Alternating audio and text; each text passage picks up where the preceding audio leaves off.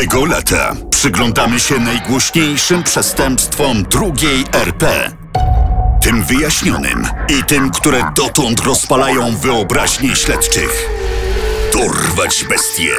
Zapomniane zbrodnie przedwojennej Polski. Gazeta Powszechna. Strzały w ogrodzie belwederskim. Hasło łódzkie? Potworna zbrodnia w Warszawie. Niepoczytalny szaleniec zastrzelił żandarma. Gazeta Robotnicza. Zamordowanie żandarma w ogrodzie belwederskim. Zemsta osobista ajenta. Gazeta Polska. Kto zabił żandarma koryzmę? Odcinek dziewiąty. Mord belwederski.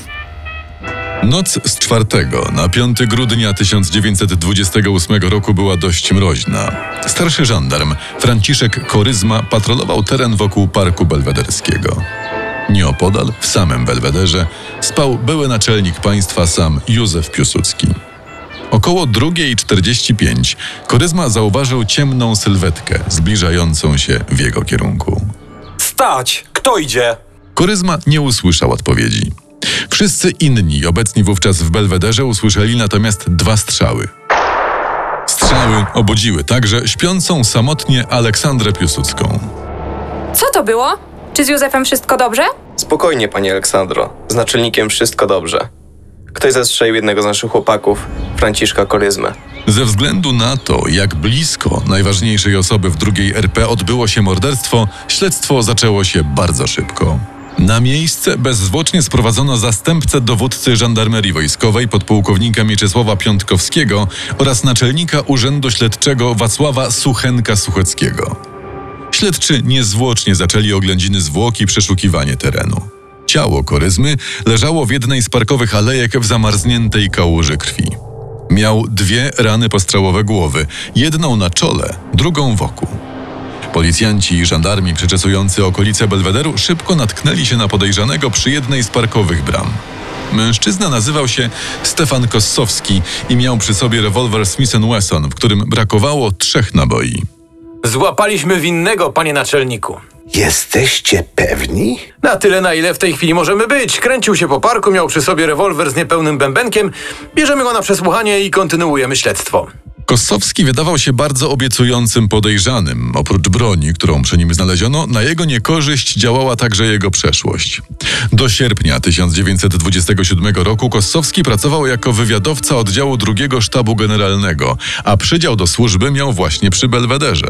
Podobno zwolniono go za pijaństwo i wszczynanie burt. Mimo wydalenia ze służby w niecały rok znalazł inną pracę w Straży Granicznej. Niestety tam również nie zagrzał długo miejsca, gdy na jaw wyszły przyczyny, dla których stracił pracę w Belwederze. Według teorii śledczych to właśnie rozgoryczenie i chęć odegrania się na byłych przełożonych pchnęły go do morderstwa na koryzmie. Choć to nie on miał być jego celem. Tej teorii podczas przesłuchań twardo zaprzeczał jednak sam Kossowski.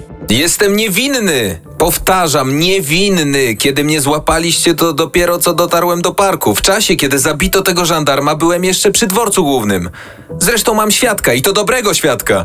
Tuż obok dworca spotkałem generała Wieniawę Długoszewskiego i zamieniłem z nim kilka słów. Piłsudski oczekiwał szybkiego rozwiązania. Służby chciały go zadowolić. Stefan Kossowski trafił więc do więzienia przy Dzikiej, by tam doczekać końca śledztw i swojego procesu. Sprawą jednak szybko zaczęła interesować się prasa. Zarówno ta przychylna Piłsudskiemu i jego ludziom, jak i opozycyjna. Jedni twierdzili, że miał to być zamach na byłego naczelnika. Inni, że to sam Piłsudski zastrzelił koryzmę, myśląc, że to zamachowiec dybiący na jego życie, a wśród endeków największą karierę robiła skomplikowana teoria spiskowa. Według niej Franciszek Koryzma zginął, bo był bezpośrednio zamieszany w sprawę zaginięcia jednego z ważniejszych osobistych wrogów Józefa Piłsudskiego, generała Włodzimierza Zagórskiego. Endecka prasa wręcz otwarcie twierdziła, że Piłsudski zlecił Koryzmie zamach na Zagórskiego w 1927 roku, a rok później pozbył się niewygodnego starszego żandarma.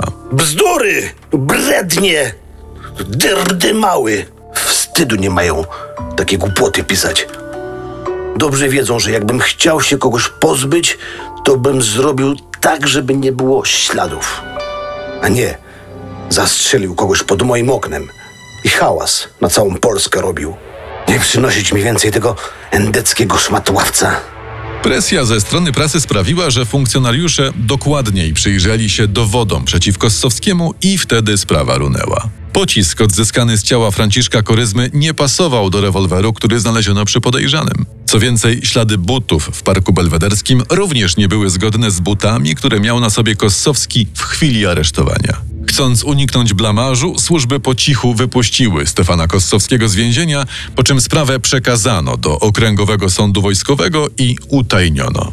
Kossowski nie miał jednak łatwego życia. W związku z utajnieniem akt nigdy nie podano do publicznej wiadomości, że został uniewinniony. Prasa cały czas traktowała go jako zamachowca.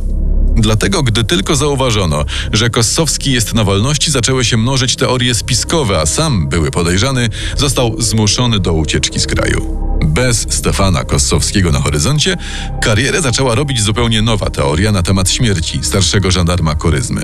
Jej zwolennikiem był na przykład późniejszy premier Felicjan Sławoj Składkowski. Przecież to oczywiste. Koryzma zginął przez konflikt policji z żandarmerią. Policja to stare PPS-aki, które chcą chronić swojego marszałka za wszelką cenę. Postanowili po prostu ośmieszyć żandarmów i wymusić zmianę w ochronie Piłsudskiego. Dlatego też teraz śledztwo prowadzi donikąd. Śledztwo w sprawie śmierci starszego żandarma Koryzmy faktycznie zdawało się utknąć w martwym punkcie, a prowadzący je funkcjonariusze zaczęli szukać dość nieszablonowych rozwiązań. Jedną z osób, która z perspektywy czasu może wydawać się interesująca w kontekście mordu, był gangster Franciszek Sieczko. W wieku 15 lat Sieczko wyemigrował do Stanów Zjednoczonych. Tam też na serio rozpoczął swoją przestępczą przygodę. Jego pierwszym poważnym wykroczeniem był napad z bronią w ręku na kasjera jednej z fabryk w Filadelfii. Dawaj kasę, albo cię zabiję. Albo wiesz co? Od razu cię zabiję, będzie szybciej.